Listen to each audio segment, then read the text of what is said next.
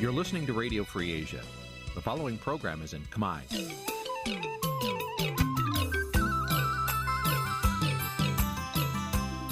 Nǐ chi càm bi tiệp xáy vệt chiu a zì sê ray នេះជាកម្មវិធីផ្សាយរបស់ Vithu Azisari ជាភាសាខ្មែរ វត្តឈូអាស៊ីសេរីសូមស្វាគមន៍លោកអ្នកនាងទាំងអស់ពីរដ្ឋធានី Washington នៃសហរដ្ឋអាមេរិក បាទពីរដ្ឋធានី Washington សហរដ្ឋអាមេរិកខ្ញុំបាទមេរិតសូមជម្រាបសួរលោកអ្នកនាងកញ្ញាប្រិយមិត្តអ្នកស្ដាប់ Vithu Azisari ទាំងអស់ជាទីមេត្រីយើងខ្ញុំសូមជូនកម្មវិធីផ្សាយសម្រាប់ព្រឹកថ្ងៃច័ន្ទ5កើតខែផលគុណឆ្នាំឆ្លូវត្រីស័កពុរសករាជ2565ដែលត្រូវនៅថ្ងៃទី7ខែមីនាគ្រិស្តសករាជ2022បាទជាដំបូងនេះសូមអញ្ជើញលោកអ្នកនាងស្ដាប់ព័ត៌មានប្រចាំថ្ងៃដែលមានមេត្តាដូចតទៅ អ្នកខ្លំមើលថាកម្ពុជាពន្យល់ចិនពីមូលហេតុបោះឆ្នោតគាំទ្រសេចក្តីសម្រេចចិត្តរបស់អង្គការសហប្រជាជាតិលើបញ្ហាអ៊ុយក្រែនឆ្លោះបញ្ចាំងពីភាពគ្មានឯករាជ្យនិងរណបចិនកម្ពុជានៅតែបរាជ័យមិនអាចរួចខ្លួនចេញពីបញ្ជីប្រភេទនៃក្រមប្រទេសលៀងលុយកខ្វក់ស្ថាបនិកគណៈបកបេះដូងជាតិថាលោកត្រៀមភ័ស្តុតាងដោះបន្ទុកគ្រប់គ្រាន់ដើម្បីឆ្លើយបំភ្លឺជុំវិញបទចោទក្លែងបន្លំស្នាមមេដាយ គណៈកម្មាធិការជាតិរៀបចំការបោះឆ្នោតណែនាំអាជ្ញាធរមូលដ្ឋានមិនឲ្យប្រើប្រាស់អំណាចនិងធនធានរដ្ឋនាពេលឃោសនាបោះឆ្នោតខាងមុខរួមនឹងព័ត៌មានផ្សេងៗមួយចំនួនទៀតបាទជាបន្តទៅទីនេះខ្ញុំបាទមេរិតសូមជូនព័ត៌មានទាំងនេះពិស្ដាបាទលោកនាងប្រិមម្នាក់ស្ដាប់ជាទីមេត្រី អ្នកខ្លមើលថាការដែលកម្ពុជាចាំបាច់ត្រូវពន្យល់ចិនអំពីមូលហេតុដែលខ្លួនបានបោះឆ្នោត គាំទ្រសេចក្តីសម្រេចចិត្តរបស់អង្គការសហប្រជាជាតិអំពីនីវឲ្យរុស្ស៊ីបញ្ឈប់ជាបន្ទាន់នៅការវាយប្រហារទៅលើប្រទេសអ៊ុយក្រែននោះគឺឆ្លុះបញ្ចាំងឲ្យឃើញពីភាពគ្មានឯករាជ្យនិងនៅតែរណបចិនអ្នកជំនាញច្បាប់និងវិជាសាស្ត្រនយោបាយអន្តរជាតិកញ្ញាសេងធីរីដែលបច្ចុប្បន្នកំពុងទទួលរងនឹងការធ្វើទុកបុកម្នេញពីសំណាក់ប្រព័ន្ធតុលាការកម្ពុជា របស់លោកនាយករដ្ឋមន្ត្រីហ៊ុនសែនផងនោះប្រាប់វិសុយអេស៊ីសេរីកាលពីយប់ថ្ងៃទី6ខែមីនាថា ការដែលរដ្ឋមន្ត្រីការបរទេសកម្ពុជាចាំបាច់ត្រូវពន្យល់ប្រាប់ទៅភៀកគីចិនជុំវិញមូលហេតុដែលខ្លួនមិនព្រមធ្វើតាមចិនដូច្នេះឆ្លុះបញ្ចាំងថាចិននៅតែគ្រប់គ្រងកម្ពុជា ហើយកម្ពុជាចាំបាច់ត្រូវតែរាយការណ៍ប្រាប់ភៀកគីចិនរាល់បញ្ហាដែលខ្លួនសម្រេចចិត្តនៅលើឆាកអន្តរជាតិមកពីចិនជាមេជាក់ស្ដែងហើយលទ្ធិប្រជាធិបតេយ្យហើយឯករាជ្យភាព បូរណភាពដែនដីនឹងនៅកម្ពុជាជាភាពคล้ายคล้ายមិនជាក់ស្ដែងបានចឹងមន្ត្រីក្រសួងការបរទេសគាត់គិតថាគាត់ត្រូវការទៅផ្ដល់ព័ត៌មានទៅមេគាត់នៅក្នុងការសម្រួលអារម្មណ៍ពីព្រោះការសម្រេចនៅសហប្រជាជាតិវាប្រឆាំងនឹងអ្វីដែលចិន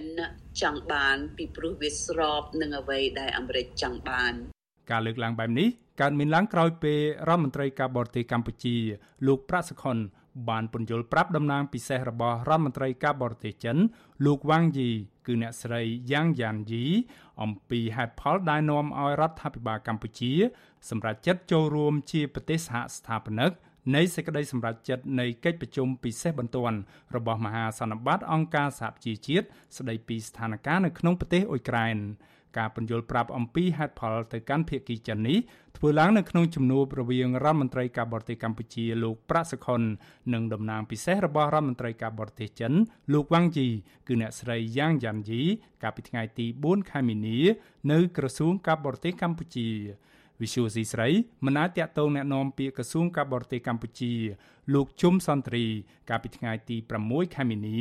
ដើម្បីសុំការអត្ថាធិប្បាយបន្ថែម អំពីមូលហេតុដែលកម្ពុជាចាំបាច់ត្រូវពន្យល់ប្រាប់ភាគីចិន នៅក្នុងរឿងនេះគណៈកម្ពុជាតែងអះអាងថាខ្លួនជារដ្ឋអធិបតេយ្យនិងមានឯករាជ្យគ្រប់គ្រាន់លើរាល់ការសម្រេចចិត្តនានានៅលើឆាកអន្តរជាតិនោះ កញ្ញាសេងធីរីព្រួយបារម្ភថាការធ្វើដូច្នេះរបស់កម្ពុជាឆ្លោះបញ្ចាំងឲ្យឃើញពីភាពទន់ខ្សោយរបស់កម្ពុជានិងថាចិនកំពុងគ្រប់គ្រងនិងមានឥទ្ធិពលមកលើកម្ពុជាដដែលកាលពីថ្ងៃទី1ខែមីនា កម្ពុជាបានបោះឆ្នោតមិនធ្វើតាមប្រទេសកុម្មុយនីសចិនវៀតណាមនិងប្រទេសឡាវហើយបែរជាមកគ្រប់គ្រងបណ្ដាប្រទេសសរុបជាង140ប្រទេសនៅលើពិភពលោកគ្រប់គ្រងនិងចូលរួមធ្វើជាប្រទេសសហស្ថាបនិកនៃសេចក្តីសម្រេច ដែលទាមទារឲ្យប្រទេសរុស្ស៊ីបញ្ឈប់ជាបន្ទាន់នៅប្រតិបត្តិការយោធារបស់ខ្លួននៅក្នុងប្រទេសអ៊ុយក្រែនក្រុមអ្នកខ្លាំមើលយល់ថាកម្ពុជា កំពុងតែប្រើប្រាស់នយោបាយឱកាសនិយមក្នុងសំណុំរឿងសង្គ្រាមរុស្ស៊ីឈ្លានពានប្រទេសអ៊ុយក្រែនដើម្បីផ្គប់ចិត្តក្រុមប្រទេសលោកខាងលិច នៅមុនកិច្ចប្រជុំកំពូលពិសេសអាស៊ានអាមេរិក ទោះជាយ៉ាងណាអ្នកសង្កេតការណ៍មួយចំនួន បានកោតសរសើរកម្ពុជា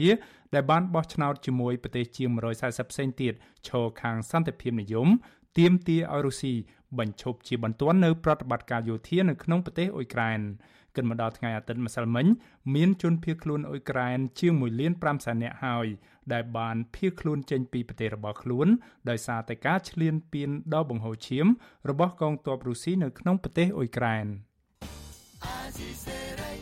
បាឡូណានីងកញ្ញាប្រិមម្នាក់ស្ដាប់ជាទីមេត្រី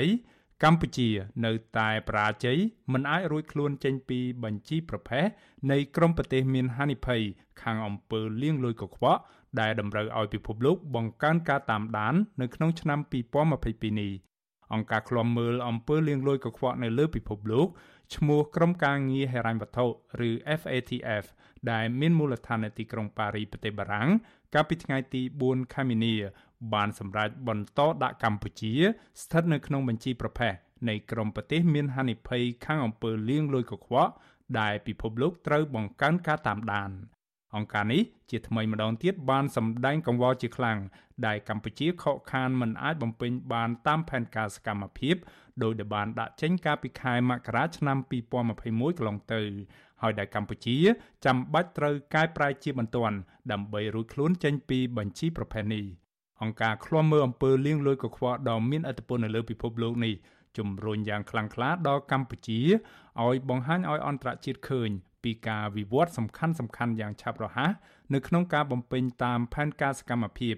ដែលកម្ពុជាត្រូវកែលម្អឲ្យបានត្រឹមខែមិថុនាឆ្នាំ2022ខាងមុខនេះអង្គការក្រមការងារហិរញ្ញវត្ថុ FATF ប្រមានថាបើពុំដូច្នោះទេខ្លួននឹងពិចារណានៅជំហានបន្ទាប់មកលើកម្ពុជាពាក់ព័ន្ធទៅនឹងបញ្ហានៃអំពើលាងលុយកខ្វក់នេះបើតាមអង្គការនេះជំហានបន្ទាប់នេះគឺសំដៅដល់ការអំពាវនាវដល់ប្រទេសសមាជិក និងយុត្ថាធិការពាក់ព័ន្ធទាំងអស់នៅទូទាំងពិភពលោកឲ្យបង្កើនការតាមដានត្រួតពិនិត្យលើរាល់ទំនាក់ទំនងនិងប្រតិបត្តិការអាជីវកម្មទាំងអស់ជាមួយកម្ពុជាអស់រយៈពេលជាង3ឆ្នាំមកហើយគឺគិតចាប់តាំងពីខែកុម្ភៈឆ្នាំ2019ដែលកម្ពុជាបានបន្តជាប់ឈ្មោះក្នុងបញ្ជីប្រភេទនៃក្រុមប្រទេសដែលពិភពលោកត្រូវបង្កើនការតាមដានខ្លាំងខាងអំពើលាងលុយកខ្វក់ មន្ត្រីជាន់ខ្ពស់រដ្ឋាភិបាលកម្ពុជា ជាពិសេសរដ្ឋមន្ត្រីក្រសួងមហាផ្ទៃលោកសុខេងធ្លាប់ទទួលស្គាល់ថាកម្ពុជានឹងចប់បើអង្គការពិភពលោកមួយនេះសម្រេចដាក់បញ្ចូលកម្ពុជា ទៅក្នុងបញ្ជីខ្មៅនៃអំពើលាងលុយកខ្វក់កម្ពុជាជាប្រទេសមួយដែលល្បីថាជាឋានសួគ៌នៃកន្លែងលាងលុយកខ្វក់នៅលើពិភពលោក ហើយដែលក្រុមអ្នកមានលុយមានអំណាចខ្មែរមួយចំនួន បានខົບខិតគ្នាប្រមូលលុយកាក់ដែលបានមកពីអំពើពុករលួយ និងអំពើឧក្រិដ្ឋកម្មនានា បង្វិលយកទៅលាក់ទុកនៅក្រៅប្រទេសវិស័យដែលរងនៅហានិភ័យខ្ពស់ខាងអំពើលាងលុយកខ្វក់នៅកម្ពុជាខ្លាំងបំផុតរួមមានដូចជាវិស័យធនាគារហិរញ្ញវត្ថុវិស័យសំណង់អចលនទ្រព្យនិងវិស័យកាស៊ីណូសម្រាប់ឆ្នាំ2022នេះនៅតំបន់អាស៊ីអាគ្នេយ៍ក្រៅពីកម្ពុជា ប្រទេសមីយ៉ាន់ម៉ាឬភូមានិងប្រទេសហ្វីលីពីនក៏ជាប់ឈ្មោះនៅក្នុងបញ្ជីប្រភេទនៃក្រុមប្រទេសដែលពិភពលោកត្រូវបង្កើនការឃ្លាំមើលខាងអំពើលាងលុយកខ្វក់នេះដែរមានប្រទេសសរុបចំនួន23ប្រទេសបច្ចុប្បន្នកំពុងជាប់ឈ្មោះនៅក្នុងបញ្ជីប្រភេទនេះខណៈប្រទេសកូរ៉េខាងជើង និងប្រទេសអ៊ីរ៉ង់ជាប្រទេសពីរនៅលើពិភពលោក ដែលពិភពលោកមិនចង់រាប់រក បាទលោកនាងប្រិមម្នាក់ស្ដាប់ជាទីមេត្រីដំណើរគ្នានឹងការស្ដាប់កម្មវិធីផ្សាយរបស់ Visual C ស្រីតាមបណ្ដាញសង្គម Facebook និង YouTube លោកនាងក៏អាចស្ដាប់កម្មវិធីផ្សាយរបស់ Visual C ស្រីតាមរលកធារកាសខ្លីឬ Shortwave តាមកម្រិតនិងកម្ពស់ដូចតទៅនេះពេលព្រឹកចាប់ពីម៉ោង5កន្លះដល់ម៉ោង6កន្លះតាមរយៈរលកធារកាសខ្លី9390 kHz ស្មើនឹងកម្ពស់ 32m និង11850 kHz ស្មើនឹងកម្ពស់ 25m ពេលយប់ចាប់ពីម៉ោង7កន្លះដល់ម៉ោង8កន្លះតាមរយៈរលកធារកាសខ្លី9390 kHz ស្មើនឹងកម្ពស់ 32m និង15155 kHz ស្មើនឹងកម្ពស់ 20m បាទសូមអរគុណ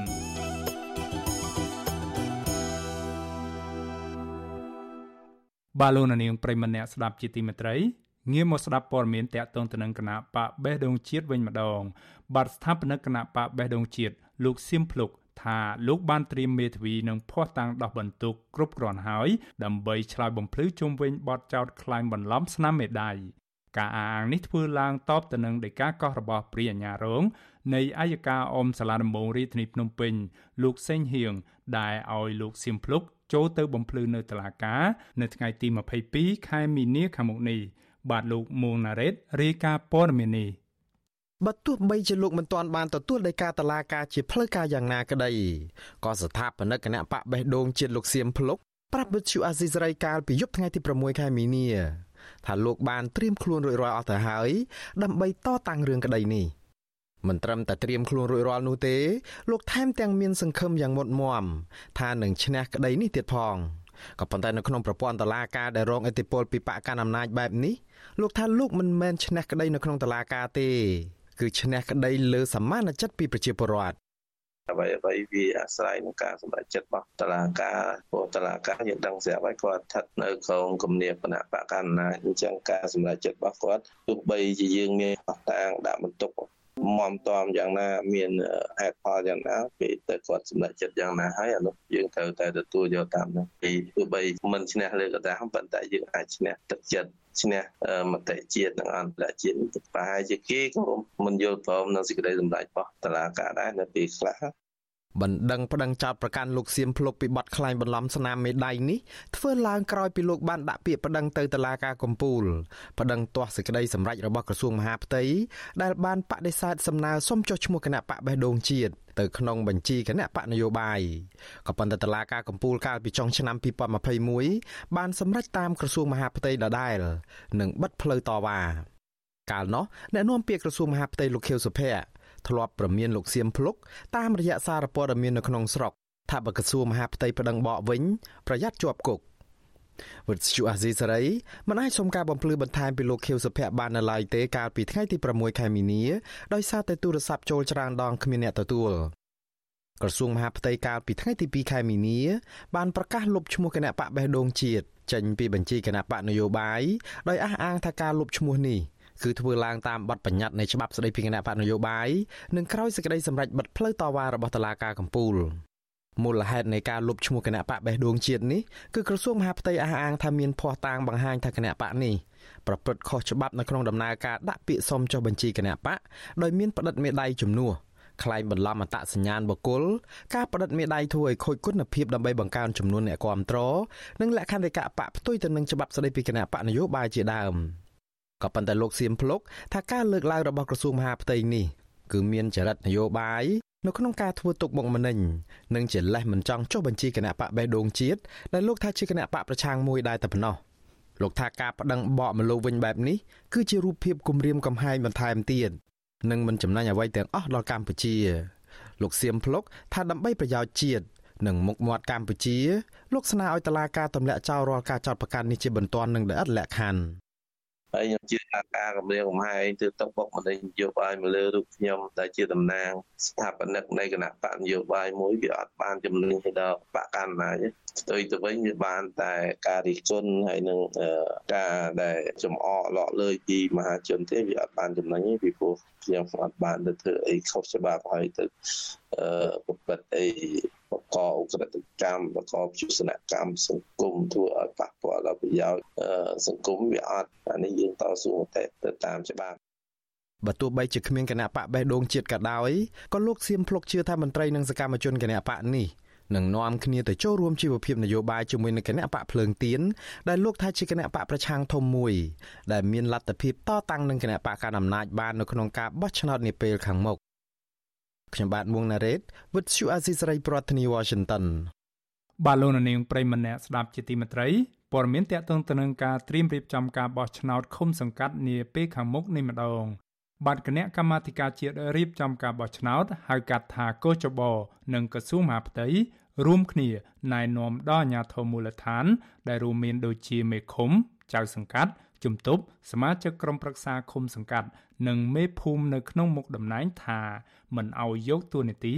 ឬប្រើប្រាស់ឥទ្ធិពលនៃតួនាទី ធនធានថវិកា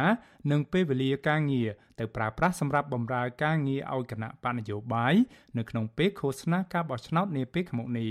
អ្នកខ្លំមើលការបោះឆ្នោតសាទរនឹងការណែនាំនេះក៏ប៉ុន្តែជំរុញឲ្យអាជ្ញាធរពាក់ព័ន្ធតាមដានការអនុវត្តឲ្យមានប្រសិទ្ធភាពព្រោះនាពេលកន្លងទៅ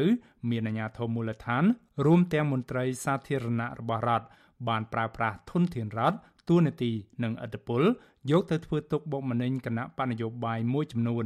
និងគម្រាមកំហែងបរដ្ឋមិនឲ្យចូលរួមគណៈបញ្ញយោបាយទាំងនោះផង បាទពីរដ្ឋធានី Washington អ្នកស្រីសុជីវីរាយការណ៍ព័ត៌មាននេះ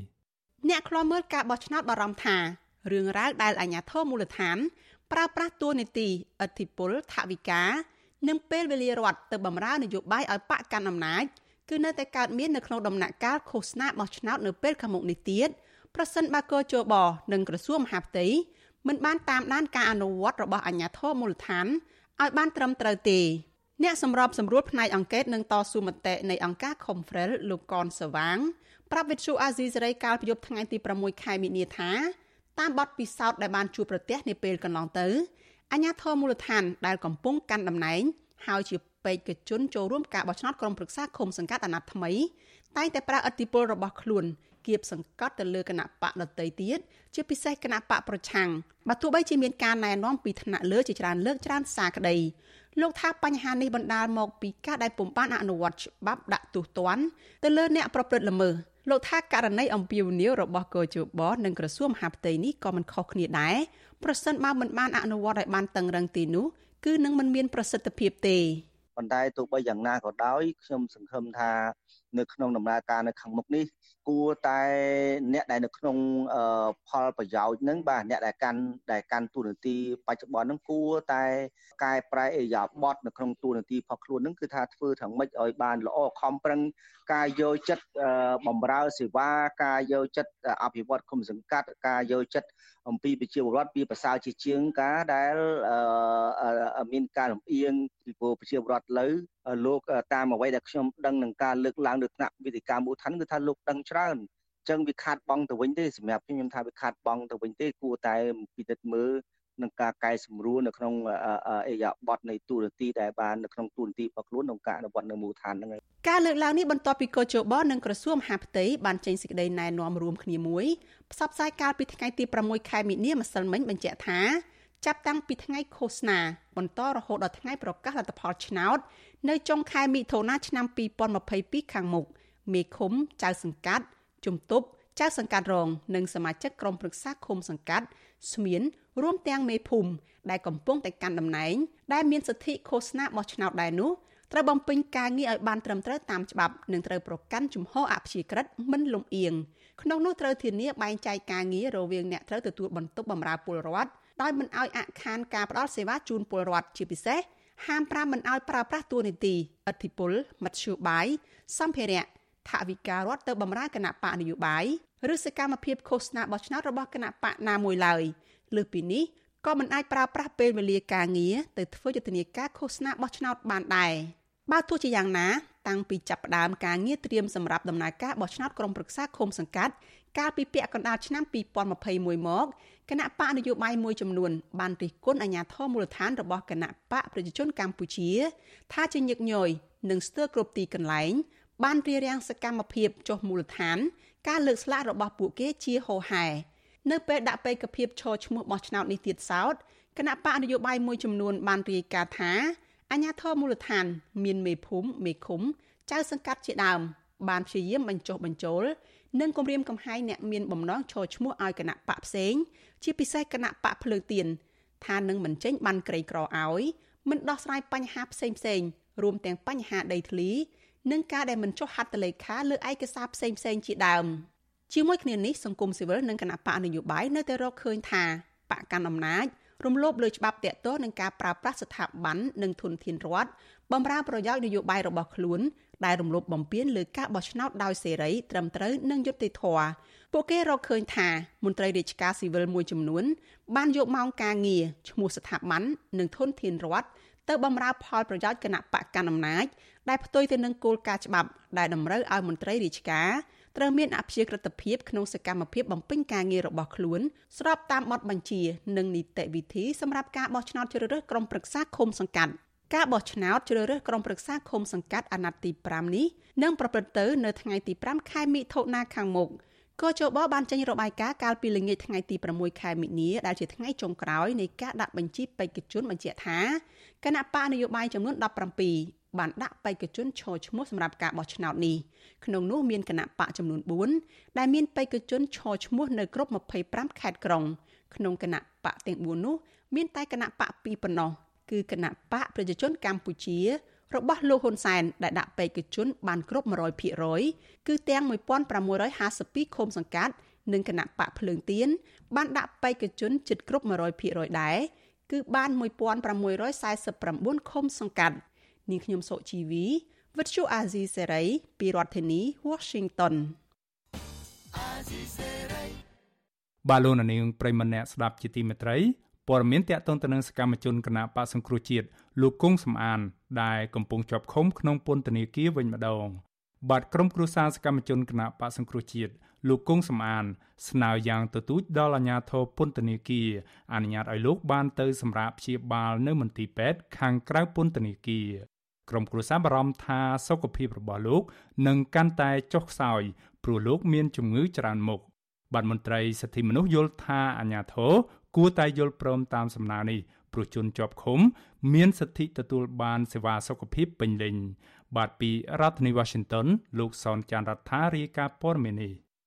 សកម្មជនគណបកសង្គ្រោះជាលោកកុងសំអានមានសុខភាពចុះខ្សោយនិងធ្លាក់ខ្លួនស្គមស្គាំងក្រោយពីជាប់ឃុំរយៈពេលជាង1ឆ្នាំមកនេះលោកកំពុងមានជំងឺលើសឈាមនិងរមាស់រ៉ាំរ៉ៃដោយសារបន្ទប់ឃុំខាំងចង្អៀតណែននិងខ្វះអនាម័យជាពិសេសរយៈពេលប្រមាណខែចុងក្រោយនេះលោកឈឺធ្មេញខ្លាំង ដែលធ្វើលោកស្ទើរមិនអាចទទួលទានអាហារបានពលគឺបានតែហត់ទៅបបរតែប៉ុណ្ណោះប្រពន្ធរបស់លោកកុងសំអានគឺលោកស្រីអ៊ីបស៊ូបានប្រាប់វិទ្យុអេស៊ីសេរីនៅថ្ងៃទី6ខែមីនាថាលោកស្រីនៅប្តីជាខ្លាំងដោយសារគាត់ហូបអាហារបានតែបន្តិចបន្តួចប៉ុណ្ណោះក្នុងមួយថ្ងៃដោយសារឈឺធ្មេញខ្លាំងពេកបូករួមជាមួយនឹងជំងឺលើឈាមនិងស្ថានភាពចង្អៀតណែនក្នុងបន្ទប់ឃុំឃាំងផងលោកស្រីបារម្ភថាមិននៅតែបែបនេះតទៀតសុខភាពប្តីលោកស្រីអាចនឹងចុះទ្រុឌទ្រោមឬក៏ឈានដល់បាត់បង់ជីវិតក៏អាចថាបាន លោកស្រីស្នើយ៉ាងទទូចដល់មន្ត្រីពន្ធនាគារបញ្ជូនប្តីលោកស្រីមកព្យាបាលនៅមន្ទីរពេទ្យខាងក្រៅដោយសារការព្យាបាលក្នុងពន្ធនាគារមិនបានដដល់ជាពិសេសមិនមានពេទ្យឯកទេសថ្មីនោះទេខ្ញុំមិនអត់គាត់គាត់ស្គមអស់ហើយខ្ញុំសូមឲ្យតែខាងពន្ធនាគារមេត្តាឬខ្ញុំអង្វរសូមលោកជួយឲ្យស្វាមីខ្ញុំចេញមកព្យាបាលជំងឺផងជំងឺធ្មេញជាសំខាន់ហូបអត់បានទេដាំតែទឹកបបរហូបរៀងរាល់ថ្ងៃកម្មពីវនីបែបនេះ បន្ទាប់ពីលោកស្រីនិងកូនបានធ្វើដំណើរពីខេត្តត្បូងឃ្មុំទៅជួបសួរសតលោកកូនសំអាននៅពន្ធនាគារព្រៃសររាជធានីភ្នំពេញកាលពីថ្ងៃទី4ខែមីនាថ្មីថ្មីនេះលោកស្រីតែងឡើងមកសួរសតប្តីជាញឹកញាប់ព្រមទាំងផ្ញើថវិកានិងម្ហូបអាហារគាត់ជាទៀងទាត់ជាមួយគ្នានេះលោកស្រីនិងកូនតែងតែចូលរួមតវ៉ាជាមួយក្រុមស្ត្រីថ្ងៃសុកជារៀងរាល់ពេលដើម្បីទាមទាររយុត្តិធម៌ជូនសកម្មជនគណបកសង្គ្រោះជាតិដែលកំពុងចាប់ឃុំតាក់ទងទៅនឹងបញ្ហាសុខភាពលោកកុងសមានេះ វិទ្យុអេស៊ីសេរីមិនទាន់អាចតាក់ទងអ្នកនាំពាក្យអគ្គនាយកដ្ឋានពន្ធនាគារលោកនុតសាវណ្ណាដើម្បីសាកសួររឿងនេះបានទេនៅថ្ងៃទី6ខែមីនាដោយទូរស័ព្ទរបស់លោកមិនអាចតាក់ទងបានក៏ប៉ុន្តែកន្លងមកនេះលោកធ្លាប់អះអាងថាមណៈចាប់ឃុំណាម្នាក់មានបញ្ហាសុខភាពធ្ងន់ធ្ងរមិនអាចព្យាបាលក្នុងពន្ធនាគារបានអញ្ញាធននឹងបញ្ជូនទៅព្យាបាលនៅមន្ទីរពេទ្យរដ្ឋខាងក្រៅពន្ធនាគារ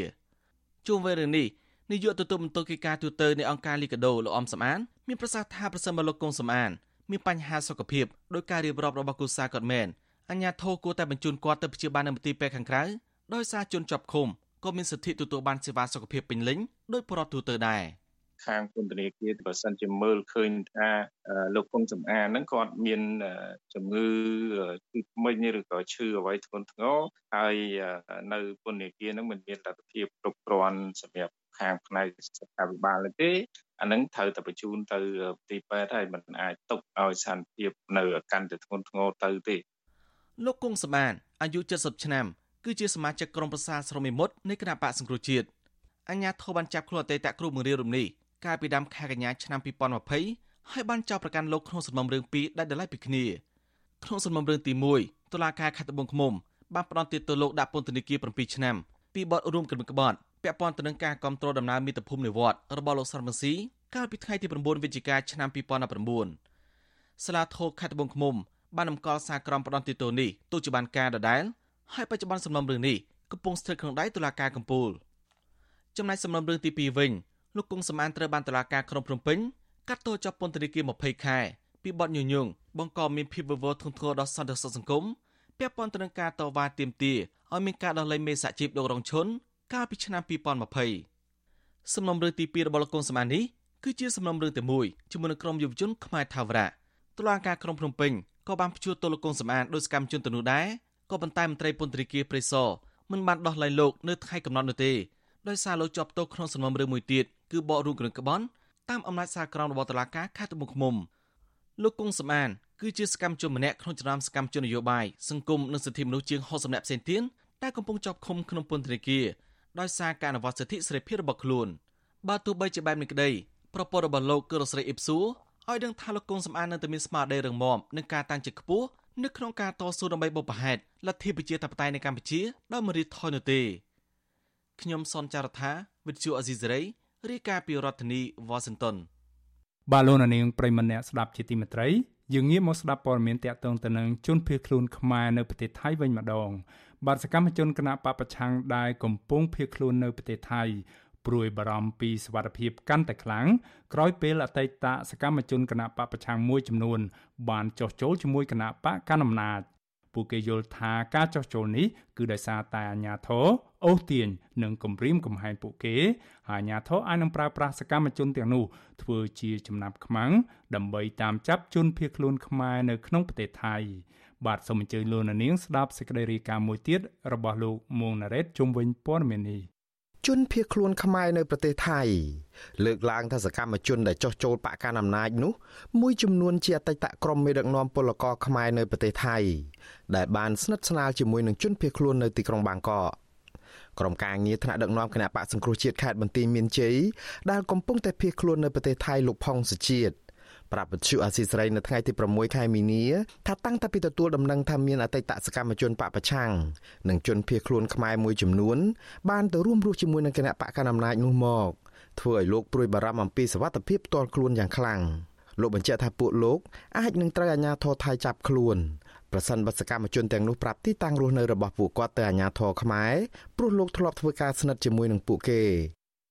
អាហ្នឹងជាយុទ្ធសាស្ត្ររបស់គណៈបកប្រជាជនដូចថាយក3 4នាក់ទៅប្រមូលគ្នាគេទៅដាក់ឲ្យឃើញតែច្រើនអញ្ចឹងណាវាយុទ្ធសាស្ត្រវាដដែលដដែលអាហ្នឹងយូរយារមកហើយអញ្ចឹងពួកគាត់បានទៅចោះចូលតាមការអូសទាញរបស់គណៈបករបបដឹកនាំលោកហ៊ុនសែនហ្នឹងអញ្ចឹងធ្វើឲ្យការរស់នៅរបស់ជនភៀសខ្លួននៅក្នុងប្រទេសថៃជាពិសេសគឺសកម្មជនគណៈបកសង្គ្រោះជាតិដែលយើងតស៊ូដើម្បីប្រជាធិបតេយ្យហ្នឹងបរំពីសភាពខ្លាំងមែនទែនពីព្រោះពួកគាត់បានស្គាល់ពីទីតាំងស្គាល់ពីកន្លែងពីការស្នាក់នៅរបស់ពួកយើងនៅក្នុងប្រទេសថៃហ្នឹងចំណែកឯជនភៀសខ្លួនម្នាក់ទៀតលោកសៅពលៈលោកថ្លែងថាស្ថានភាពបែបនេះជាហានិភ័យថ្មីមួយទៀតដល់អ្នកភៀសខ្លួនខ្មែរនៅប្រទេសថៃ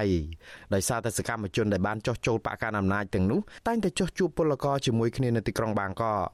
សកម្មជនបពប្រឆាំងរូបនេះយល់ថាអាញាធរខ្មែរនឹងបង្ខំសកម្មជនទាំងនោះឲ្យប្រាប់អំពីទីតាំងដើម្បីតាមចាប់ជនភៀសខ្លួននៅប្រទេសថៃ លោកបញ្ជាក់ថាការចោះចូលនេះគឺដោយសារតែការបង្ខិតបង្ខំពីសំណាក់អាជ្ញាធរបកកាន់អំណាច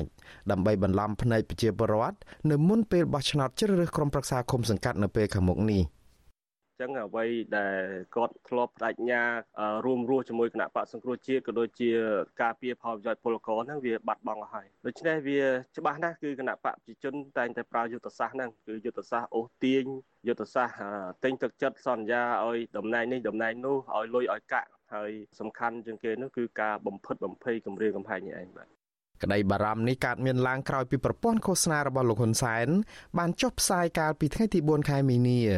ថាមានសកម្មជននិងពលករខ្មែរដែលគាំទ្រគណៈបកប្រឆាំងភៀសខ្លួននៅប្រទេសថៃជាង100នាក់នៅក្នុងនោះមានក្រុមមេដឹកនាំពលករខ្មែរចំនួន3នាក់ផងរួមមានលោកលីរតនៈរស្មីលោកសុនសីហានិងលោកស្រីម៉ៅស្រីធានហៅឆ្មាខ្មៅបានចុះចូលគណៈបកប្រជាជនកម្ពុជាកាលពីថ្ងៃទី4ខែមីនា តកតងទៅនឹងបញ្ហានេះដែលនាំពាក្យគណៈបកកណ្ដាលអំណាចលោកសុកអេសានប្រាប់វិទ្យុអាស៊ីសេរីថាការចោះចូលនេះធ្វើឡើងដោយស្ម័គ្រចិត្តដោយសារតែលោកអះអាងថាពួកគេអស់ជំនឿលើថ្នាក់ដឹកនាំគណៈបកសង្គ្រោះជាតិនិងពុំមែនដោយការបង្ខិតបង្ខំនោះទេចំណែកឯសវត្ថិភាពរបស់ជនភៀសខ្លួននៅប្រទេសថៃវិញលោកសុកអេសានអះអាងថាអាជ្ញាធរនៅតែបន្តតាមចាប់ពួកគេដដែលប្រសិនបើពួកគេប្រព្រឹត្តខុសច្បាប់នឹងមានដីកាតាមចាប់ខ្លួនពីតុលាការកម្ពុជា អាហ្នឹងដូចខ្ញុំថាអញ្ចឹងអ្នកដែលមានដីកាតឡាការអាហ្នឹងវានៅតែមានការជាប់ពាក់ព័ន្ធអញ្ចឹងពេលណាតឡាការសមត្ថកិច្ចគេដឹងនៅកន្លែងណាគេចាប់នៅកន្លែងនោះហើយតែបើសិនណាជាគេមិនដឹងទេគេមិនដឹងទៅចាប់ឯណាអាហ្នឹងវាជារឿងករណីនីមួយមួយបាទបើទោះបីជាយ៉ាងនេះក្តីប្រធានសមាគមការពារសិទ្ធិមនុស្សអាត់ហុកលោកនីសខាមើលឃើញតែជនភៀសខ្លួនទាំងនោះបានរត់គេចខ្លួនពីប្រទេសកំណើត ដោយសារតែការធ្វើទុកបុកម្នេញផ្នែកនយោបាយគឺពុំមែនដោយសារតែការប្រព្រឹត្តខុសច្បាប់អ្វីនោះឡើយលោកបន្តថានៅពេលនេះនៅប្រទេសថៃមិនមែនជាទីកន្លែងដែលមានសុវត្ថិភាពសម្រាប់ជនភៀសខ្លួនខ្មែរទៀតទេពីព្រោះថ្មីថ្មីនេះអាជ្ញាធរខ្មែរបានសហការគ្នាជាមួយនឹងអាជ្ញាធរថៃចាប់បញ្ជូនជនភៀសខ្លួនខ្មែរជាច្រើនអ្នកមកដាក់ពន្ធនាគារនៅកម្ពុជាដូ ច្នេះខ្ញុំគិតថាថ្ងៃមុខនេះគិតថាប៉ះសិនបើអាញាធរថៃនិងអាញាធរកម្ពុជាមានកិច្ចសហការគ្នាបន្ថែមទៅទៀតនោះវារឹតតែធ្វើឲ្យអ្នកដែលភៀសខ្លួនដោយសារតែបញ្ហានយោបាយនឹងកាន់តែមានការព្រួយបារម្ភទៅហើយចំពោះតែរឿងនិយាយថាងតែធ្វើខុសច្បាប់តែបានគេចាប់ឯអានឹងជាធម្មតាទេកាលណាអំពើណាក៏ដោយដែលតែប្រព្រឹត្តខុសច្បាប់គេចាប់ហើយក៏ប៉ុន្តែគ្រាន់ថារឿងជនភៀសខ្លួនទាំងអស់នេះដោយសារតែគេយល់ថាការភៀសខ្លួនដោយសារតែវិវាទនយោបាយមិនមែនជាអំពើដែលគាត់ធ្វើឡើងដោយខុសច្បាប់ទេចាប់តាំងពីរដ្ឋាភិបាលក្រុងភ្នំពេញរំលាយគណៈបកសង្គ្រោះជាតិកាលពីឆ្នាំ2017នោះមកសកម្មជនគណៈបកនេះប្រមាណ100នាក់បានភៀសខ្លួនទៅប្រទេសថៃដើម្បីគេចពីការធ្វើទុកបុកម្នេញនៅក្នុងនោះមានសកម្មជនមួយចំនួនបានត្រឡប់ទៅកម្ពុជាវិញហើយត្រូវបានអាជ្ញាធរចាប់ដាក់ពន្ធនាគារនិងមួយចំនួនទៀតត្រូវបានអង្គការសហប្រជាជាតិទទួលបន្ទុកជនភៀសខ្លួនប្រចាំនៅទីក្រុងបាងកក បានបញ្ជូនទៅជ្រកកោននៅកន្លែងមានសុវត្ថិភាពនៅប្រទេសទី3កាលពីពេលថ្មីៗនេះអាជ្ញាធរថៃបានចាប់ខ្លួនសកម្មជនបកប្រឆាំងចំនួន4នាក់គឺលោកវឿងសំណាង លោកវឿនវាសនាហៅក្រញូងព្រៃឡង់និងអ្នកស្រីឡាញ់ថាវរី និងលោកមិចហៀងបញ្ជូនឲ្យអាជ្ញាធរខ្មែរដែរតឡាការបានចោទប្រកាន់ពួកគាត់ពីបទរួមគំនិតក្បត់ និងបទញុះញង់ហើយឃុំខ្លួនបដិអាសន្ននៅក្នុងពន្ធនាគារព្រៃសរ បច្ចុប្បន្ននេះនៅមានសកម្មជនបកប្រឆាំងប្រមាណ30នាក់ទៀតដែលកំពុងតែរស់នៅភៀសខ្លួននៅក្នុងប្រទេសថៃនៅឡើយខ្ញុំបាទមុងណារ៉េត With you Assisray ប្រធានាធិបតី Washington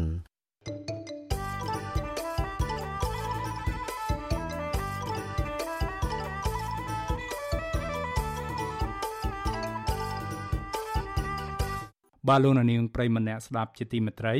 អ្នកធ្វើការងារលើកស្ទួយសិទ្ធិស្ត្រី និងអ្នកឃ្លាំមើលសិទ្ធិការងារយល់ឃើញថាស្ត្រីនៅតែជាក្រុមគោលដៅនៃការរំខានយាយីនិងការធ្វើទុកបុកម្នេញគ្រប់រូបភាពពីសំណាក់អាជ្ញាធរនៅពេលដែលពួកគេចេញសម្ដែងមតិតវ៉ាដោយសន្តិវិធីការកត់សម្គាល់បែបនេះធ្វើឡើងបន្ទាប់ពីក្រុមស្ត្រីជាកោតក្រនៃ Casino Nagawal ប្រតិកម្មថាកម្លាំងអាជ្ញាធរបានប្រើប្រាស់អំពើហិង្សាបំពៀបំពៀនរូបរាងកាយរបស់ពួកគេដោយប្រើវិធានការសុខាភិបាល នៅក្នុងគោលបំណងរារាំងមិនឲ្យពួកគេជួបប្រជុំទាមទាររកដំណោះស្រាយវិវាទការងារ បាទតើកត្តាអ្វីខ្លះដែលស្ត្រីនៅតែរងនឹងការបង្ក្រាបនិងការបំពៀបំពៀនរូបរាងកាយពេលដែលពួកគេចេញតវ៉ាដោយអហិង្សាយ៉ាងដូចនេះបាទលោកនាងនឹងបានស្ដាប់សេចក្តីរាយការណ៍ពិស្ដារជុំវិញរឿងនេះនាពេលបន្តិចទៀតនេះ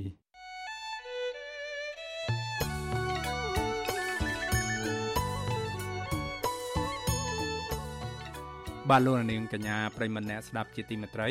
នៅក្នុងឱកាសនេះដែរ ខ្ញុំបាទសូមថ្លែងអំណរគុណដល់លោកនាងកញ្ញាទាំងអស់ដែលតែងតែមានភក្ដីភាពចំពោះការផ្សាយរបស់យើងខ្ញុំហើយចាត់ទុកការស្ដាប់ Visual Asia សេរីគឺជាផ្នែកមួយនៃសកម្មភាពប្រចាំថ្ងៃរបស់លោកនាងការគ្រប់គ្រងរបស់លោកនាងនេះហើយដែលធ្វើឲ្យយើងខ្ញុំមានទឹកចិត្តកាន់តែខ្លាំងថែមទៀតនៅក្នុងការស្វែងរកនិងផ្តល់ព័ត៌មានពិតជូនលោកអ្នកនាងមានអ្នកស្ដាប់និងអ្នកទស្សនាកាន់តែច្រើនកាន់តែធ្វើយើងខ្ញុំមានភាពស្វាហាប់និងមោះមុតជាបន្តទៅទៀត បាទយើងខ្ញុំសូមអរគុណទុកជាមុនហើយសូមអញ្ជើញលោកអ្នកនាងកញ្ញាចូលរួមជំរុញឲ្យសកម្មភាពផ្តល់ព័ត៌មានពិតរបស់យើងខ្ញុំនេះកាន់តែជោគជ័យបន្ថែមទៀតលោកអ្នកនាងអាចជួយយើងខ្ញុំបានដោយគ្រាន់តែចុចចែករំលែកឬ Share ការផ្សាយរបស់យើងខ្ញុំនៅលើបណ្ដាញសង្គម Facebook និង YouTube ទៅកាន់មិត្តភ័ក្តិដើម្បីឲ្យការផ្សាយរបស់យើងបានទៅដល់មនុស្សកាន់តែច្រើន បាទសូមអរគុណ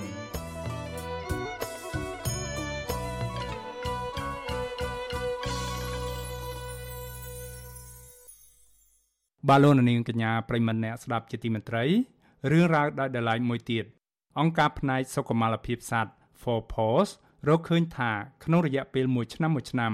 មានសត្វឆ្កែប្រមាណ3លានក្បាលត្រូវបានគេសម្លាប់យកទៅធ្វើជាអាហារនៅក្នុងប្រទេសកម្ពុជា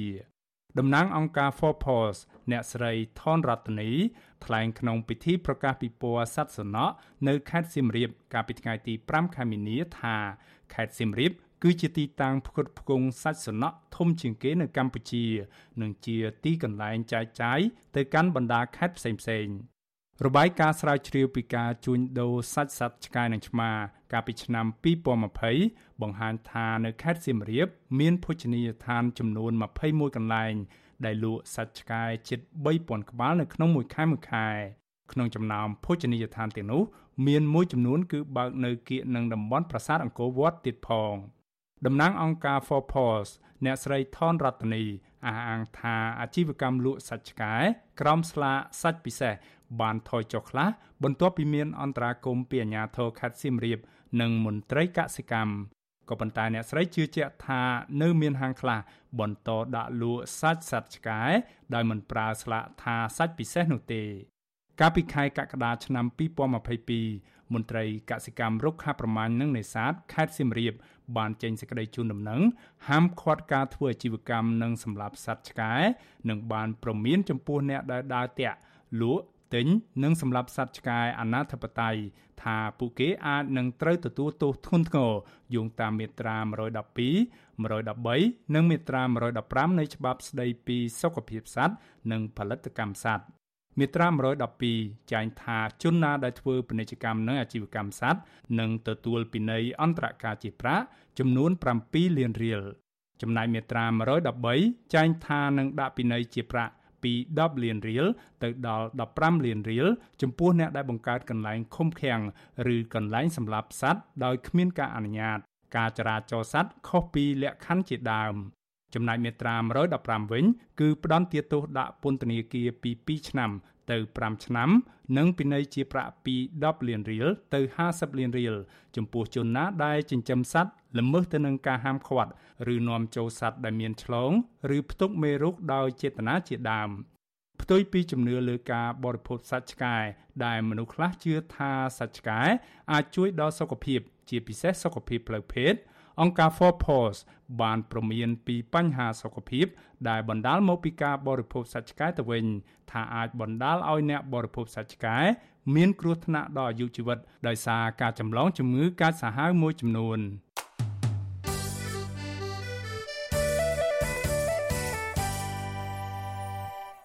បាឡូននាងប្រិមម្នាក់ស្ដាប់ជាទីមេត្រី ពីខេត្តព្រះសីហនុឯណោះវិញ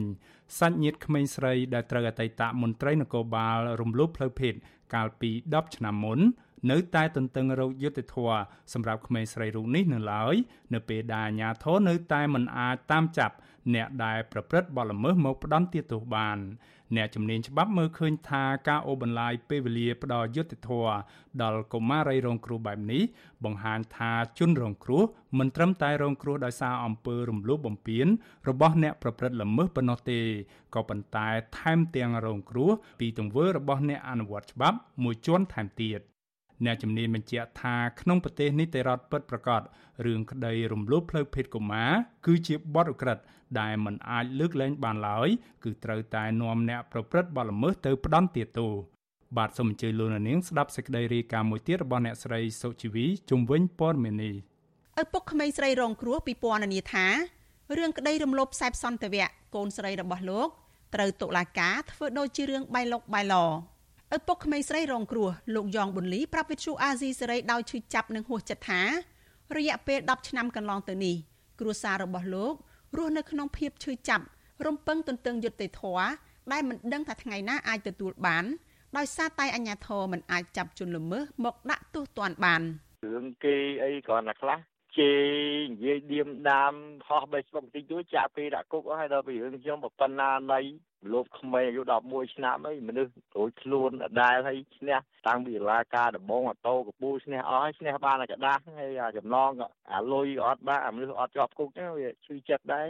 លោកប៊ុនលីរំលឹកថាកូនស្រីរបស់លោកមានអាយុត្រឹម11ឆ្នាំត្រូវមន្ត្រីនគរបាលឈ្មោះកងសុផាតចាប់រំលោភកាលពីថ្ងៃទី15ខែសីហាឆ្នាំ2010លោកបានប្តឹងរឿងនេះទៅតុលាការដោយមានទឹកតាំងនិងលទ្ធផលកសលវិច័យគ្រប់គ្រាន់ថាជនល្មើស ពិតជាបានរំលោភកូនស្រីលោកពិតប្រាកដមែនហើយតុលាការខេត្តប្រសេះអនុបានចេញដីកាចាប់ខ្លួនមន្ត្រីនគរបាលលោកកងសុផាត បញ្ជូនទៅតុលាការប៉ុន្តែមិនបានប៉ុន្មានផងតុលាការបានសម្រេចដោះលែងទៅវិញ ដោយមានអ្នកធានាឲ្យនៅក្រៅឃុំ ពេលនោះជននោះបានគេចខ្លួនបាត់ក្រោយមកតុលាការខេត្តប្រសេះអនុបានកាត់ឲ្យលោកកងសុផាតជាប់ពន្ធនាគារ5ឆ្នាំនិងផ្ដាល់សំណងដល់ក្មេងស្រីរងគ្រោះចំនួន40លានរៀល ព្រមទាំងចេញដីកាឲ្យតាមចាប់ខ្លួនជនជាប់ចោតប៉ុន្តែជនជាប់ចោតមិនសុខចិត្តបានបន្តរឿងនេះទៅសាលាឧទ្ធរដំបូងឡើយតុលាការជាន់ខ្ពស់មួយនេះសម្រាប់រក្សាសាលក្រមសាលាដំបងទុកជាបានការដដែលប៉ុន្តែមួយសប្តាហ៍ក្រោយមកសាឡាវតូបានចេញដីកាលុបចោលការតាមចាប់ខ្លួនលោកកងសុផាតលោកប៊ុនលីបន្តថាពេលនោះជនជាប់ចោតបានលេចមុខនៅក្នុងភូមិថ្មីក្នុងសង្កាត់លេខ3ក្រុងព្រះសីហនុឡើងវិញភ្លាមភ្លាមដែរ គេប្រាប់ប៉ូលីសប្រាប់អីចឹងខ្ញុំថាចេះមិនវាមកផ្ទះវាអត់ចាប់អត់អីចឹងដល់ប៉ូលីសទេប្រាប់ខ្ញុំវិញថាចាំមិនគេមានដីកាអត់ចាប់អត់អីទេគេមានដីកាមកឥឡូវគេខាតមហាញបលីម៉ាញអីចឹងចុងក្រោយគឺនៅក្នុងឆ្នាំ2016តុលាការកំពូលបានសម្រេចឲ្យសាលាដំបងចេញដីកាតាមចាប់ខ្លួនឈ្មោះកងសុផាតឡើងវិញព្រះរាជអាជ្ញារងលោកហួតវិចិត្របានចេញដីកាថ្មីមួយទៀតមានន័យសេចក្តីដោយដីកាចាស់គឺតាមចាប់ខ្លួនជនជាប់ចោត ប៉ុន្តែ10ឆ្នាំមកនេះអាជ្ញាធរមិនបានចាប់ខ្លួនលោកកងសុផាតបានឡើយបើទោះបីជាគ្រួសារក្មេងស្រីរងគ្រោះបានផ្ដល់ដំណឹងថាគេបានឃើញជនជាប់ចោតនៅក្នុងខេត្តភៀកអេសាន មានដូចជាខេត្តរតនគិរីនិងខេត្តក្រចេះជាដើមលើសពីនេះចំពោះសំណងចំនួន40លានរៀលតុលាការតម្រូវឲ្យដើមបណ្ដឹងរកឲ្យបាននៅទ្រព្យសម្បត្តិដែលមានឈ្មោះជនល្មើសដើម្បីឲ្យតុលាការរឹបអូសប៉ុន្តែលោកប៊ុនលីបញ្ជាក់ទាំងអស់សង្ឃឹមថា លោកនិងមេធាវីបានត្រឹមតែទទួលព័ត៌មានថាទ្រព្យសម្បត្តិទាំងអស់របស់ឈ្មោះកងសុផាតត្រូវបានលក់និងផ្ទេរឈ្មោះតាំងពីឆ្នាំ2015មកម្លេះខ្ញុំមិនដឹងដែរថារឿងខ្ញុំហ្នឹងវាដូចប្លុកប្លោមិនចែកអីណាបាទវាហួសចិត្តវាឆ្អែតអល់មកដល់ពេលនេះកូនស្រីរបស់លោកប៊ុនលីមានអាយុជាង20ឆ្នាំហើយ ប៉ុន្តែនាងមិនមានស្មារតីពេញលេញដូចក្មេងស្រីទូទៅឡើយដោយសារតែនាងធ្លាប់មានបញ្ហាប្រាជ្ញាស្មារតីកាលពីនៅក្មេងតកតងនឹងការតាមចាប់ខ្លួនជនជាប់ចោតកងសុផាតនេះកាលពីចុងឆ្នាំ2021សារព័ត៌មានក្នុងស្រុកបានចុះផ្សាយថាព្រះរាជអាជ្ញារងខេត្តប្រសិទ្ធអនុលោកហួតវិចិត្របានចេញដីកាតាមចាប់ខ្លួនជាថ្មីម្ដងទៀតវិទ្យុអាស៊ីសេរីមិនទាន់អាចសុំការបញ្ជាក់ពីការតាមចាប់ខ្លួនលោកកងសុផាតនេះពីស្នងការនគរបាលខេត្តប្រសិទ្ធអនុលោកជួននរិនបាននៅឡើយទេ កាលពីថ្ងៃទី24ខែកុម្ភៈប៉ុន្តែនគរបាលប៉ុស្តិ៍រដ្ឋបាលសង្កាត់ទី3លោកអុកផាណារ៉េតប្រាប់វិទ្យុអាស៊ីសេរីថាសមត្ថកិច្ចនៅតែតាមឃ្លាំមើលរឿងនេះមិនដាក់ដៃទេ ដើម្បីចាប់ខ្លួនជនជាប់ចោតគាត់ទៅស្នាក់នៅទីណាយើងអត់ទាន់បានដឹងម្ដងអញ្ចឹងបានដឹងថាស្នាក់នៅទីណានឹងរេការជូនថ្នាក់លើគាត់ចុះចាប់ហើយណាតែទោះជាយ៉ាងណាមន្ត្រីនគរបាលរូបនេះបានចុចបិទទូរស័ព្ទទៅវិញ នៅពេលចោទសួរថា តើសមត្ថកិច្ចមានការលំបាកយ៉ាងណាខ្លះក្នុងការតាមចាប់ខ្លួនជនជាប់ចោតនេះតែទោះជាយ៉ាងណាអ្នកសម្របសម្រួលសមាគមការពារសិទ្ធិមនុស្សអាត6អ្នកស្រីជាបសុធារីមើលឃើញថារឿងនេះខុសប្លែកគ្នាពីរឿងក្តីដតីផ្សេងមួយចំនួនទៀតដែលអាជ្ញាធរអាចតាមចាប់ខ្លួនអ្នកសង្ស័យបានយ៉ាងងាយស្រួលបើទោះជាអ្នកទាំងនោះបានគេចទៅដល់ក្រៅប្រទេសយ៉ាងណាក៏ដោយអ្នកស្រីថាអាជ្ញាធរមិនគួរបណ្ដោយឲ្យមានអំពើនីតិរដ្ឋភាព នៅតែកើតមាននៅក្នុងសង្គមខ្មែរបែបនេះបន្តទៀតឡើយចំណែកអ្នកជំនាញច្បាប់អន្តរជាតិវិញថាក្នុងប្រទេសនីតិរដ្ឋពិតប្រាកដគេមិនអាចដំណើរការរឿងក្តីបែបត្រឡប់ត្រលិនបានទេ ជាពិសេសក្នុងរឿងក្តីរំលោភបំពានផ្លូវភេទក្មេងស្រីបែបនេះចំណុចនេះបានរំលឹកទៅដល់រឿងក្តីរំលោភក្មេងស្រីខ្មែរដោយបរិះអាមេរិកកាំម្នាក់ត្រូវបានតុលាការនៅសហរដ្ឋអាមេរិកកាត់ទោសឲ្យជាប់ពន្ធនាគារ210ឆ្នាំដោយតុលាការច្រានចោលទាំងអស់រាល់ការសុំធានាឲ្យនៅក្រៅឃុំ ដោយសារតែនេះជាបទល្មើសធ្ងន់ធ្ងរមួយអតីតនាយទាហានចូលនិវត្តន៍លោក Michael Joseph Pep អាយុ68ឆ្នាំត្រូវបានឃាត់ខ្លួនកាលពីឆ្នាំ2006នៅកម្ពុជានិងបញ្ជូនទៅដាក់ពន្ធនាគារនៅសហរដ្ឋអាមេរិកតាំងពីឆ្នាំ2007បរិះរូបនេះមានទោសដោយសារទង្វើដ៏យង់ឃ្នងទៅលើក្មេងស្រីមានទាំងក្មេងស្រីដែលមានអាយុ9ឆ្នាំម្នាក់ផងដោយការឲ្យពួកគេប្រើប្រាស់គ្រឿងញៀនចងវាយធ្វើបាបថតរូបភាពអះអាភាសនិងចាប់រំលោភពួកគេ អ្នកជំនាញច្បាប់និងនយោបាយអន្តរជាតិកញ្ញាសេងធីរីប្រាប់វិទ្យុអាស៊ីសេរីថាការបណ្តែតបណ្តោយឲ្យរឿងអយុត្តិធម៌បន្តអូសបន្លាយ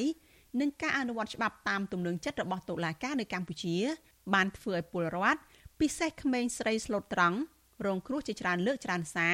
រឬមិនអាចរកការបញ្ចប់បានកញ្ញាថានៅពេលដែលការអនុវត្តច្បាប់ទៅជាលបឡែបែបនេះគ្មានមធ្យោបាយអ្វីក្រៅតែពីការផ្លាស់ប្ដូរអ្នកដឹកនាំចេញទេទើបអាចរកយុត្តិធម៌ឃើញ បានចឹងអត់មានភ្ញាក់ផ្អើលអីប៉ុន្តែជាការស្រក់ទឹកភ្នែកម្ដងទៀតពេលលឺអែនលឺរឿងបែបហ្នឹងពីព្រោះគាត់រងគ្រោះមិនមែនត្រឹមតែនៅក្នុងការពេលវេលាដែលគេប្រព្រឹត្តលើគាត់ទេប៉ុន្តែតាំងពីនោះមកដល់សប្តាហ៍ថ្ងៃនឹងហើយការរងគ្រោះគាត់ចេះតែកើនឡើងកើនឡើងងាកទៅឪពុកក្មេងស្រីរងគ្រោះលោកយ៉ងប៊ុនលីវិញលោកថាមានតែមរៀមដៃ10សំណុំពរដល់អ្នកពាក់ព័ន្ធអ្នកមានអធិបុលទាំងឡាយជួយផ្ដល់យុត្តិធម៌ដល់គ្រួសារលោកផង លោកថាលោកបានសង្ស័យអំពីអំពើពុករលួយនៅក្នុងរឿងក្តីនេះហើយបានដាក់បណ្ដឹងទៅគ្រប់ច្រកល្ហករាប់ទាំងអង្គភាពប្រឆាំងអំពើពុករលួយក្រសួងយុតិធធនិងខុទ្ទកាល័យលោកនាយករដ្ឋមន្ត្រីហ៊ុនសែនផងប៉ុន្តែលទ្ធផលបានត្រឹមតែថារឿងនេះគឺជារឿងរបស់តុលាការលោកថាបើទោះបីជាក្តីសង្ឃឹមថាមានយុត្តិធម៌នោះហាក់នៅឆ្ងាយពីរឿងក្តីដែលលោកពិពណ៌នាថាជារឿងបៃលុកបៃឡនេះក្តីក៏លោកអះអាងថាបើមានតុលាការណា អញ្ញាធនណាដែលលោកអាចប្តឹងបានតទៅទៀតលោកនឹងតស៊ូតទៅទៀតបើទោះបីជាគ្រួសាររបស់លោកក្រីក្រយ៉ាងណាក្តី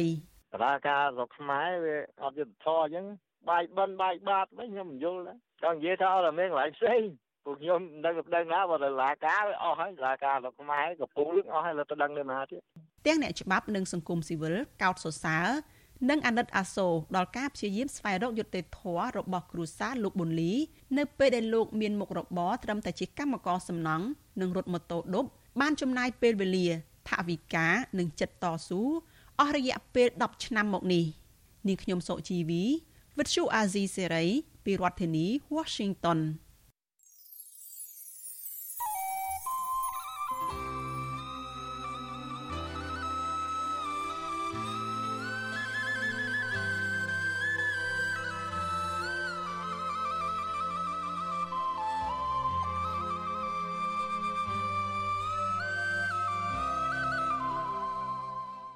បាទលោកនាងប្រិមម្នាក់ស្ដាប់ជាទីមេត្រី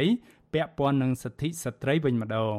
បានអ្នកធ្វើការលើកស្ទួយសិទ្ធិស្ត្រីនិងអ្នកឃ្លាំមើលសិទ្ធិការងារយល់ឃើញថាស្ត្រី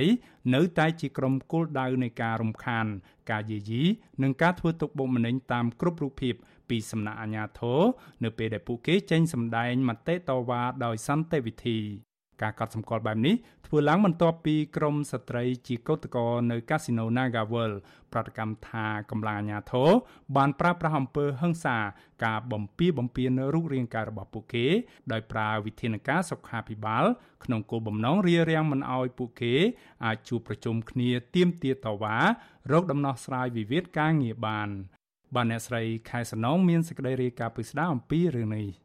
មន្ត្រីនៃគណៈកម្មាធិការនៃអង្គការមិនមែនរដ្ឋាភិបាលកម្ពុជាដើម្បីអនុសញ្ញាស្ដីពីការលុបបំបាត់រាល់ទម្រង់នៃការរើសអើងស្ត្រីហៅកាត់ថា NGO ស៊ីដរំលឹកថារដ្ឋាភិបាលគួរឆក់យកឱកាសនេះដោះស្រាយបញ្ហាជូនកោតក្រ Nagawal ជាបន្ទាន់ដើម្បីកុំឲ្យคล้ายជាឧទាហរណ៍មួយនៃការបរាជ័យរបស់ខ្លួនចំពោះការអនុវត្តអនុសាសន៍របស់អង្គការសហប្រជាជាតិ អគ្គលេខាធិការនៃ NGO SIDA អ្នកស្រីជឹមច័ន្ទនាងថ្លែងថារដ្ឋាភិបាលគឺជាប្រទេសដែលបានចុះសច្ចាប័នលើអនុសញ្ញា SIDA តាំងពីឆ្នាំ1992ដែលមានក្រុមប្រឹក្សាជាតិកម្ពុជាដើម្បីស្ត្រីគឺរដ្ឋមន្ត្រីក្រសួងកិច្ចការនារីអ្នកស្រីអឹងកន្ថាភាវីជាប្រធានអ្នកស្រីថារដ្ឋាភិបាលនឹងត្រូវដាក់របាយការណ៍តាមដានរយៈពេល2ឆ្នាំរបស់ខ្លួន គឺឆ្នាំ2020និងឆ្នាំ2021 ទៅគណៈកម្មការស៊ីដនៃអង្គការសហប្រជាជាតិនៅក្នុងខែមិនិនានេះអ្នកស្រីជឹមច័ន្ទនាង បន្តថារបាយការណ៍នេះគឺជាការឆ្លើយតបរបស់រដ្ឋាភិបាលលើការធានាអំពីសិទ្ធិសេរីភាពក្នុងការជួបប្រជុំសម្ដែងមតិរបស់សកម្មជនសិទ្ធិមនុស្សសកម្មជនបរិស្ថាន និងសហជីពដែលជាចំណុចមួយក្នុងចំណោមចំណុច3ដែលអង្គការសហប្រជាជាតិផ្ដល់អនុសាសន៍ឲ្យរដ្ឋាភិបាលដោះស្រាយជាបន្ទាន់អ្នកស្រីបញ្ជាក់ថាដូច្នេះរឿងសំខាន់នោះ គឺវិវាទការងារនៅក្រុមហ៊ុន Nagaworld ដែលឈានដល់ការរំលោភបំពានសិទ្ធិស្ត្រីគួរតែត្រូវបានលើកមកដោះស្រាយដែលរដ្ឋាភិបាលមិនគួរមើលរំលងនោះទេមួយទៀតបើយើងមើលជាក់ស្ដែងទៅយើងឃើញថាដោយសារតែកម្មករដែលរងផលប៉ះពាល់ដោយ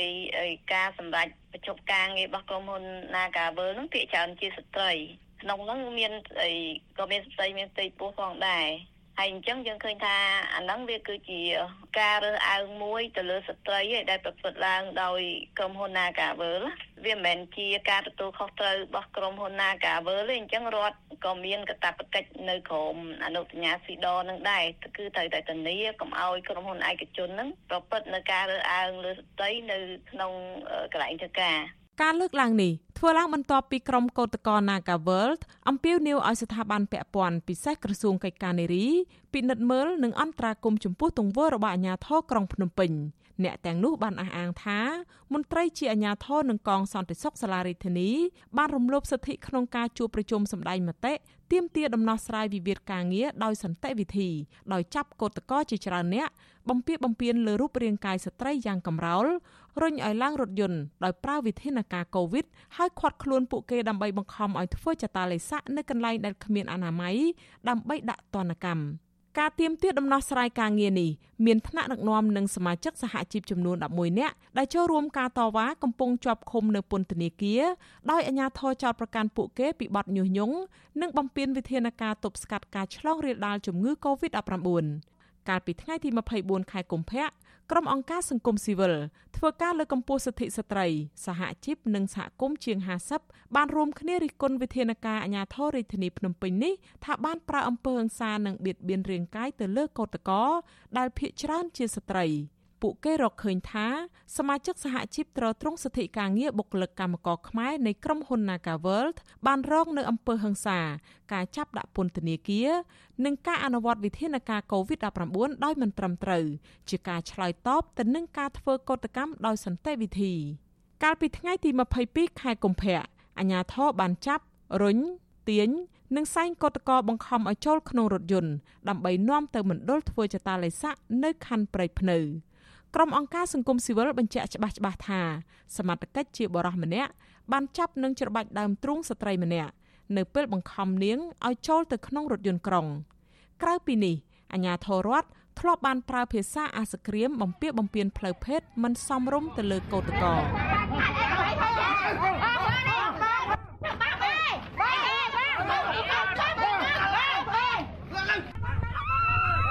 កោតក្រ Naga World ដែលអះអាងថាអាញាធរប៉ះពាល់គេខ្មាស់ក្នុងពេលចាប់បង្ខំអូសដាក់រថយន្តនោះគឺកញ្ញាសៀកកញ្ញាថ្លែងថា នាងសោកស្ដាយជាពន់ពេកកាលពីថ្ងៃទី22ខែកុម្ភៈដែលអាញាធរមានសមត្ថកិច្ចប៉ះពាល់លើរូបរាងកាយកញ្ញាគឺជាការរំលោភសិទ្ធិនិងរូបរាងកាយដោយនាំឲ្យនាងមានភាពអាម៉ាស់ក្នុងពេលតវ៉ារកដំណោះស្រាយការងារ។ ខ្ញុំស្នើសុំឲ្យក្រសួងកិច្ចការនារីគាត់ជួយពិនិត្យមើលនៅលើរឿងហ្នឹងពួកគាត់ជាអាជ្ញាធរហើយគាត់ជាមនុស្សប្រុសហើយពួកគាត់បានប៉ះលើរូបរាងកាយខ្ញុំហើយមានវីដេអូមានរូបភាពជាក់ស្ដែងបងពួកខ្ញុំអត់មានបានគេជួលមកសម្ដែងឬក៏អីទេព្រោះខ្ញុំជាកោតក្របុគ្គលិកណាកាពិតពិតចាប់អូសខ្ញុំមកដៃរបស់គាត់ហ្នឹងគឺគាត់បានគិតស្មាខ្ញុំហើយគាត់ដៃគាត់ទាំងពីរហ្នឹងបានប៉ះដើមទ្រូងរបស់ខ្ញុំទាំងសងខាងបងទាំងដែលខ្ញុំបានស្រែកថាបងបងឯងរំលោភសិទ្ធិលើខ្ញុំហើយបងឯងដៃបងឯងបានប៉ះពាល់លើរូបរាងកាយរបស់ខ្ញុំហើយក៏គាត់នៅតែអត់ប្រឡែងដែរបងហើយគាត់នៅតែបន្តអុសខ្ញុំទៅឡើងសោយអាវសោយអីដូចរូបភាពដែលបងបានឃើញចឹងគឺសោយអាវលិចចេញអាវចេញអីចេញសាច់ខ្ញុំមកហើយខ្ញុំពិតជាមានការអៀនខ្មាស់វាបាត់បង់កិត្តិយសរបស់ខ្ញុំជាមនុស្សស្រីហ្មងថ្មីបើមានការអំពាវនាវដូចនេះមានទាំងរូបភាពវីដេអូដែលក្រុមកោតក្រ Naga World ថតឡាយតាមបណ្ដាញសង្គម Facebook យ៉ាងណាក្តីក្រសួងកិច្ចការនារីហាក់មិនអើពើនិងមិនបានបញ្ចេញសារឆ្លើយតបអ្វីឬបង្ហាញការយកចិត្តទុកដាក់ចំពោះបញ្ហានេះទេ រដ្ឋលេខាធិការនឹងជាអ្នកណែនាំពាក្យក្រសួងកិច្ចការនារី អ្នកស្រីម៉ានចន្ទាបានបដិសេធឆ្លើយឆ្លងតាមទូរស័ព្ទប៉ុន្តែអ្នកស្រីបានឆ្លើយតបតាមសារជាអក្សរនៅលើបណ្ដាញសង្គម Telegram វិញអ្នកស្រីសរសេរតបថាក្នុងករណីនេះគួរមានភ័ស្តុតាងច្បាស់លាស់ដើម្បីមានមូលដ្ឋានចាត់វិធានការចំពោះបុគ្គលដែលបានប្រព្រឹត្តខុសឲ្យទទួលខុសត្រូវចំពោះមុខច្បាប់ ត្រង់ចំណុចនេះមានន័យថារូបភាពវីដេអូដែលកោតក្របានបង្ហោះនឹង live ផ្ទាល់គឺជាអាសាអត់ការ ឬមិនអាចសំអាងជាភ័ស្តុតាងរឹងមាំបានក្រៅពីការឆ្លើយតបប៉ុណ្ណេះអ្នកស្រីបានត្រឹមផ្ញើសេចក្តីប្រកាសព័ត៌មានរបស់សាលារដ្ឋាភិបាលភ្ជាប់មកជាមួយដែលជាលិខិតសរសេររៀបរាប់ទម្លាក់កំហុសទៅលើក្រុមកោតក្រ Nagaworld និងចោទប្រកាន់ថាពួកគេបានជួបជុំធ្វើកោតកម្មខុសច្បាប់ប៉ះពាល់សន្តិភាពសាធារណៈ រួមទាំងឆ្លើយការពារទង្វើរបស់អាជ្ញាធរដែលចុះរារាំងនិងបំបែកការជួបជុំនោះទៅវិញសេចក្តីប្រកាសរបស់សាលារដ្ឋាភិបាលភ្នំពេញកាលពីថ្ងៃទី24កុម្ភៈបានចោទសួរថាតើអាចទៅរួចដែរទេដែលអាជ្ញាធរអាចប្រព្រឹត្តនៅទង្វើអសិលធម៌ដោយការចោទប្រកាន់នៅចំពោះមនុស្សម្នាអាជីវករអ្នកធ្វើដំណើរនៅទីប្រជុំជនជាច្រើនអ្នកដែលមានកាមេរ៉ាទូរស័ព្ទគ្រប់ដៃនិងសមត្ថកិច្ចដទៃទៀតដែលកំពុងបំពេញភារកិច្ចនៅតាមទីសាធារណៈនោះ ថ្មីបើមានការចោទសួរដូច្នេះមែនក្រុមកោតក្រនិងសង្គមស៊ីវិលនៅតែអះអាងថានេះគឺជាការដោះសារទម្លាក់កំហុសនិងមិនមែនជាការដោះស្រាយបញ្ហាឲ្យពួកគាត់នោះទេបើទោះបីជាពួកគាត់មានវីដេអូភស្តុតាងជាក់ស្ដែងក្តីសង្គមស៊ីវិលយល់ថាការតបមកវិញបែបនេះគឺជាកត្តានាំឲ្យជនប្រព្រឹត្តចេះតែបានចិត្ត ហាក់ជាខ្នងបង្អែកនិងអាចឲ្យពួកគេបន្តប្រព្រឹត្តដោយមិនញញើតច្បាប់មិនខ្លាចទណ្ឌកម្មពិន័យនិងមិនចាំបាច់ទទួលខុសត្រូវតាក់ទងបញ្ហានេះប្រធានសហព័ន្ធសហជីពកម្មករចំណីអាហារនិងសេវាកម្មកម្ពុជា អ្នកស្រីឧទេផលីនថ្លែងថា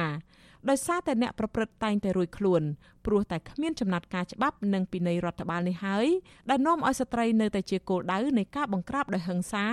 និងបំពារបំពានរូបរាងកាយពេលចេញតវ៉ាដោយសន្តិវិធី។អ្នកស្រីបន្តថាមន្ត្រីដែលបៀតបៀនរាងកាយស្ត្រី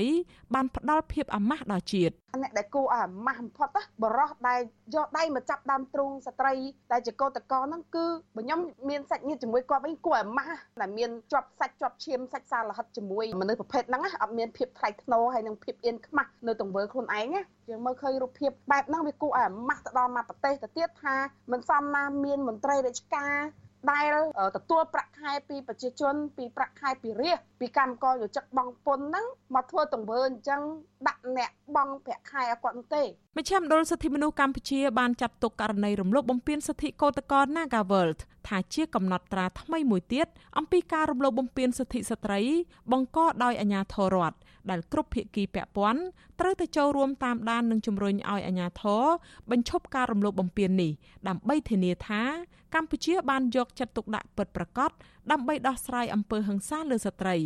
បញ្ហានេះក៏នឹងចងក្រងឡើងជាបានព័ត៌មានសំខាន់សម្រាប់ផ្សព្វផ្សាយនៅថ្ងៃទី8ខែមិនិនាដែលជាទិវានារីអន្តរជាតិបញ្ហារបស់ស្ត្រីជាកោតក្រ Nagawal នេះគ្រាន់តែជាឧទាហរណ៍មួយប៉ុណ្ណោះ ករណីពលរដ្ឋសហគមន៍ចេញដាក់ញត្តិរកដំណោះស្រាយដីធ្លី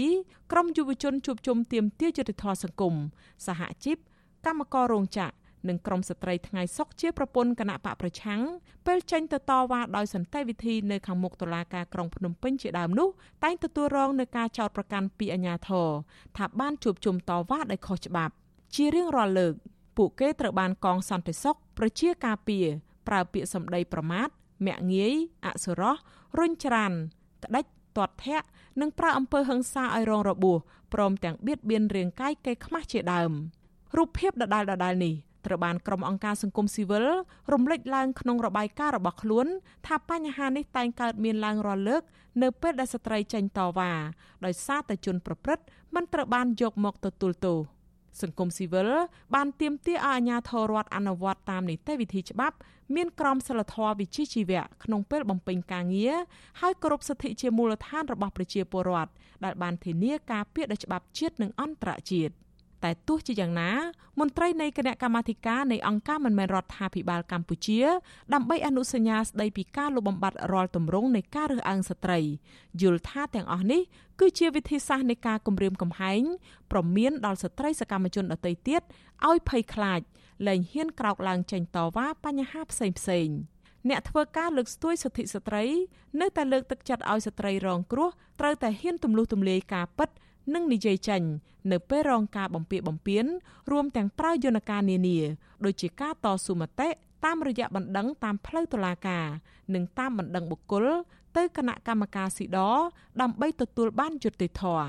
ចានាងខ្ញុំខែសុណងវັດឈូអាស៊ីសេរីរាយការណ៍ពីរដ្ឋធានី Washington